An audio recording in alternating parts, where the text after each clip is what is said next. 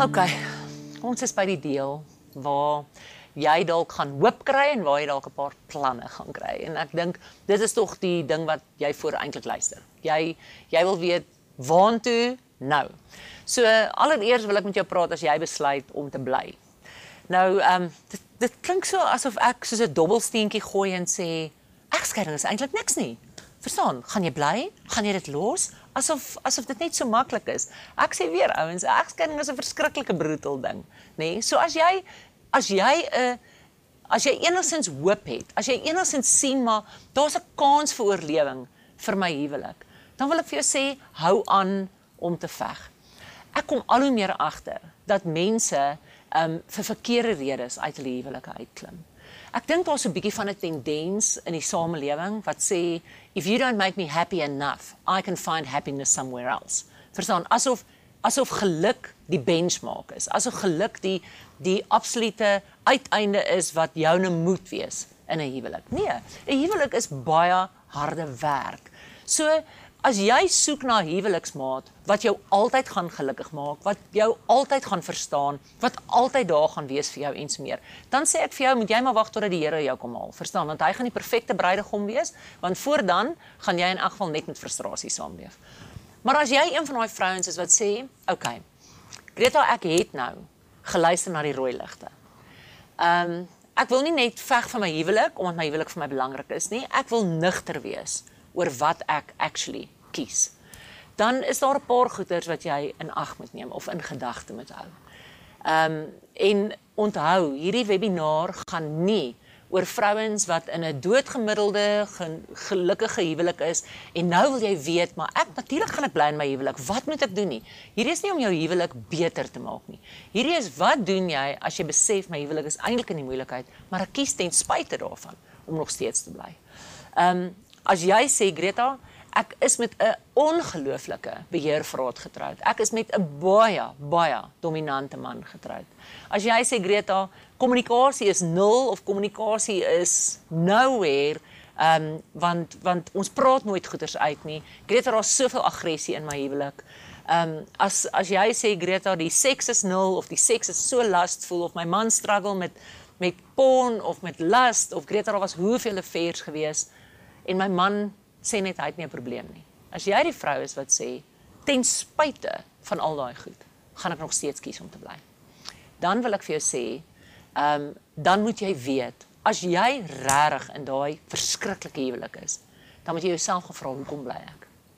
Dit is die belangrikste vraag. Hoekom bly ek? Want daar's soveel vrouens wat sê ek bly want ek glo dis wat God van my verwag. OK.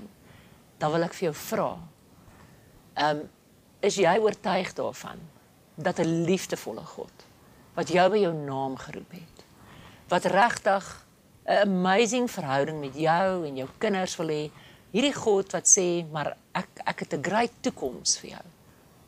Het jy by daai God gehoor of het jy dalk by iets gehoor wat klink soos tradisie? Het jy dalk gehoor by iemand wat sê, "Weet jy wat, egskeiding is 'n ewel en die Here is nie gelukkig daarmee en die Here sal jou nooit seën nie." Ek is altyd so versigtig. Ehm um, as ons as ons skrif vat uit die Bybel uithaal, dit 'n dit 'n pretekst maak, maar ons vergeet wie is die outeur van al daai goed. So as jy besluit het om wel te bly ten spyte van haars rooi ligte, is dit vir jou 'n geestelike oortuiging. As dit is, dan wil ek vir jou sê ek glo met my hele hart dat die Here jou nog steeds kan eer en dat die Here jou nog steeds kan beskerm en dat sy planne vir jou nie ophou nie dit gaan baie gebed van jou verg. Want jy gaan die een wees wat sacrifice. Jy gaan die ene wees wat eintlik moet besef Greta. Ek kry nie liefde of ek kry nie omgee, aanraking, aandag. Ek kry niks van daai goeders van my man af nie.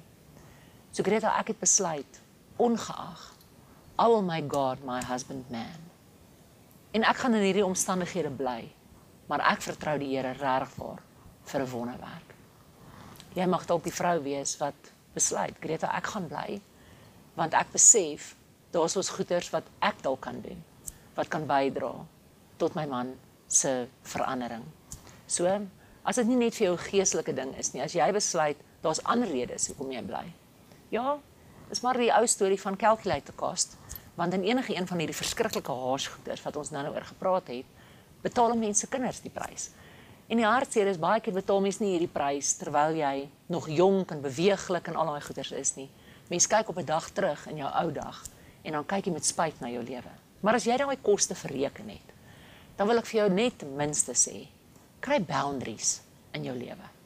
Boundaries is 'n ongelooflike belangrike ding en daar's wonderlike, wonderlike um resources wat jy kan kan gaan lees, kan gaan deel word van en so meer om te leer om ten minste grense in plek te sit wat kom ek vat die voorbeeld. Sê nou maar jou man is regtig vir abusive en so meer. Om regtig vir jouself te beloof. Greta, ek het gekies om te bly. Maar as ek sien hiersoos drank by my man betrokke en dit maak hom aggressief en so meer. Greta, dan kies ek daai aand om nie in my man se kamer te slaap nie. Greta, ek kies om daai aand my kinders by my ma te laat bly. Greta, ek kies om 'n boundary te hê want ek weet exactly wat eintlik kom. Mense om om 'n boundary dalk te gaan leer ken saam met 'n terapeut van jou eie. Jou man wil dalk nie gaan vir hulp nie, maar jy kan hulp kry. Jy het nou gekies om te bly. So een van die belangrikste gaan goeders gaan wees om jou menswaardigheid te behou en aan te hou glo in wie jy is en aan te hou werk aan wie jy kan wees. So om nie net die koste te calculate en nie net om lukrake boundaries in plek te sit nie, maar om regwaar te sê, Greta, ek het gekies om te bly, so ek wil myself verryk. Ek gaan begin om goeders by te woon. Ek gaan deel word van vrouens wat daar's ons baie baie gemeenskapsgroepe waar jy kan inskakel. Dalk 'n plek by jou kerk. Dalk kan jy gaan oplees oor vrouens wat geleer het hoe om in hierdie omstandighede dit nog steeds vir hulle self te maak werk. Maar ek het geleer dat baie vrouens wat kies om te bly, wat ook al jou rede is, finansies, jou kinders, geestelike rede, dat hulle die beste vaar as hulle ook die moeite doen om goed te wees vir hulle self. En ek praat nie van jy jy spandeer geld op jouself of weet wat jy gaan bietjie vir 'n naweek weg of jy kry vriende nie. Ek praat van dat jy kies om te gaan groei by iemand. So ek wil dan vir jou vra, gaan sien 'n terapeut, gaan sien 'n beraader. Gaan sien iemand waar jy nie eens noodwendig hulp kry nie. Partykeer het jy net nodig om te wend. En ja, ek weet alle vrouens in moeilike omstandighede, nie alle vrouens nie, of meeste vrouens het iewers 'n vriendin wat vir hulle kan sê, "Ai, my vriendin, Ai, kom kuier maar vanaand by my. Ai, jong, weet wat môre gaan die lewe weer aan en so meer. So, jy het dalk 'n goeie vriendin, maar dit gaan jou regtig vir baie baat om iemand te kry buitekant jou vriendekring met wie jy kan gaan praat want venting gaan vir jou baie belangrik wees om skoon te maak van dit wat jy eintlik besig is om te sacrifice. Dis die eerste ding. Die ander ding by 'n terapeut gaan jy dalk waardevolle waardevolle inligting en know-how en goeders van jouself ontdek. Want imagine nou jy's nou 'n vrou wat sê Greta my man is baie um, hy's verbaal baie destruktief teenoor my. Maar my kinders adore hom. So Greta ek gaan dit nie aan my kinders doen nie. Maar Greta hy breek my so af. Kan jy dink wat hulp en terapie dalk vir jou kan beteken? deurdat jy met iemand gaan praat en dat hulle net vir jou die leuen wat jy by jou man hoor oor hoe sleg jy is en hoe alles jou skuld is en al daai woorde wat hy vir jou sê hoe iemand jou kan help om net 'n ander perspektief te kry ek het gevind dat vrouens wat kies om te bly het regtig waar perspektief nodig en um, in partykeer is daai perspektief iets wat jy professioneel moet kry dan wil ek ook vir jou sê dat dit hang af van wat die omstandighede in jou huwelik is Maar julle dit is belangrik dat jy sekere goeders in plek sal sit.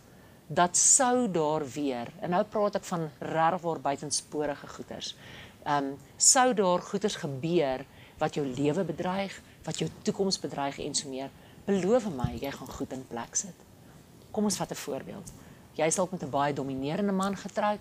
Jy's met 'n man getroud wat jou geen insaag laat hê in die finansies en so meer nie.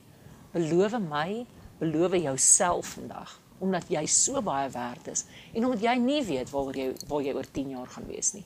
Dat jy ten minste finansiëel iewers vir jouself 'n buffer gaan inwerk of dat jy dalk net jou aan jou eie kredietwaardigheid gaan werk. Sodat sou dit wat jy nou voor kies om te veg, sou dit opgaan in vlamme. Dat jy nie eendag een van daai vrouens is wat sê, "Greta, ek stap hier uit met niks. Ek het vir 10, 20 jaar bly veg want ek het dit bly glo." Beloof my dat jy wat probeer om nou die regte ding te doen, dat jy ook die regte ding vir jouself sal doen. So kry finansiële hulp, kry iemand wat jou kan help om iets op jou naam te kry, om dalk 'n klein rekeningkie oop te maak sodat jy kredietwaardigheid kan hê.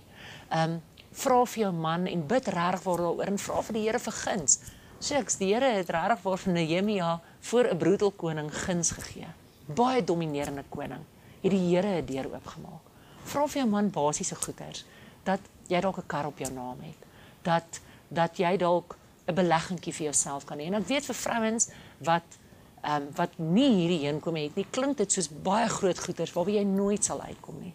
Daar's kundige mense wat jou kan help. Beloof jouself jy gaan jouself beskerm. Dan die ander ding is as jy kies om te bly in 'n verhouding waar daar byvoorbeeld ehm um, kom ons sê daar soos aggressie en sulke tipe van goed. Maar jy kies om te bly. Dan wil ek vir jou vra, het ten minste en ek weet hierdie klink so depressie maar ek het soveel vrouens gesien wat gebaat het hierby. As daar 'n aggressiewe oomblik was en jy het seer gekry beloof jouself jy gaan 'n foto neem. Beloof jouself jy gaan dit iewers aanteken. Beloof jouself dat jy dit dalk gaan aanmeld by die polisie dat jy dalk net 'n verklaring af lê so baie vrouens is so bang om sulke goeders te doen want hulle voel Greta maar wat as hulle my man arresteer? Greta ek kan niks doen nie ek het nie geld nie. Greta wat gaan gebeur? Gaan hulle hom tronk toe vat? Julle hierdie is 'n baie lang proses beloof jouself dat as jy kies om te bly in baie ekstreme goeders dat jy ten minste goed in plek gaan sit dat as dit die dag nie werk nie dat daar iewers is wat praat namens dat daar iets is wat praat namens jou. Vir die ander vrouens wat nie sulke haarsgoeters het soos 'n man wat al die geld en 'n man wat haar slaan en 'n man wat haar stikkend verneek en so meer nie. Jy sal net regtig regtig keelvol. Jy's so moeg. Jy's so moeg vir beklei. Jy's so moeg vir issues. Jy is so moeg net vir daai doodsheid in jou huwelik. Ek wil vir jou sê, daar's baie hoop vir sulke huwelike. As daar nie sulke uitskieters is wat jy voel, Greta, my man het X, Y en Z en ek kan dit pinpoint nie. As dit net by jou 'n emosie van doodsheid is. As dit net 'n emosie is van hopeloosheid. Kry hoop. Gaan woon iemand se naweek by. Kry resources. Um word deel van 'n groep by jou kerk waar jy inskakel. Bederf jou man, bederf jouself. Reël weg weg gaan geleenthede vir jouself. En ek weet hierdie klink soos, "Ag, oh, Greta. Regtig? Ek wil vir jou sê, ons was op 'n vakansie. Dit het boggerol gehelp. Dan sê ek vandag vir jou, As jy net doodsheid ervaar, so huwelik het 'n baie groot kans om dit nog steeds te maak. Hoekom? Want daarso is nie psigopatologie nie. Daar's nie abuse nie. Daar's is nie een of ander karaktereienskap wat jou doodmaak nie. Dis net 'n huwelik wat in die moeilikheid is. Gaan sien jy dan die beraader en kry tips. Gaan wees jy die vrou wat sê ek gaan regwaar bidend wees voor die Here. Ek gaan regwaar op my knieë begin veg vir hierdie huwelik. Julle die Here veg reg waar saam met ons en ek weet jy luister nou na my. Jy sê jy's Greta maar wat? Het jy nie hard genoeg gebid nie? Greta wat? Het die Here wou die Here jou huwelik nie gered het nie. Nee, wat ek vandag van kan getuig is dat ek sou wat wou gegee het om vir my kinders 'n legacy te gee en te sê ons huwelik het gewerk ten spyte van.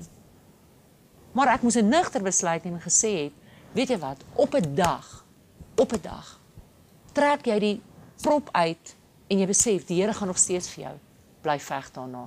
So miskien sit jy en dink, Margreta, as ek genoeg vertrou, gaan die Here dalk my huwelik red. Ek het geleer dit werk nie so nie. Greta, as ek hard genoeg veg, dan gaan die dan gaan daar 'n wonderwerk gebeur. Dit werk nie so nie. Maar as jy 'n gewone huwelik het waar daar nie broedel goed is nie, pleit ek vandag by jou. Ek sê vandag vir jou, hou aan om te veg. Hou aan om te glo in die beauty van 'n huwelik. Julle die huwelik is so ongelooflik ontwerp. Kan jy dink hoe groot is die geskenk dat jy eendag saam met jou kinders en jou kleinkinders almal saam kan kuier om een groot tafel. So as jy gekies het om te bly vir die regte redes, well done. As jy een van die vrouens is wat die Here vertrou vir 'n deurbraak en vir 'n testimony, dan wil ek vir jou sê, as daar een vrou is wat saam met jou al die pad graag wil vertrou, dan is dit ek. Want ek het die ander kant leer ken. Maar as jy 'n vrou is wat sê Greta, ek het gekies om te bly want ek voel dit is die regte ding. Of ek het gekies om te bly want ek het nie 'n inkomste nie.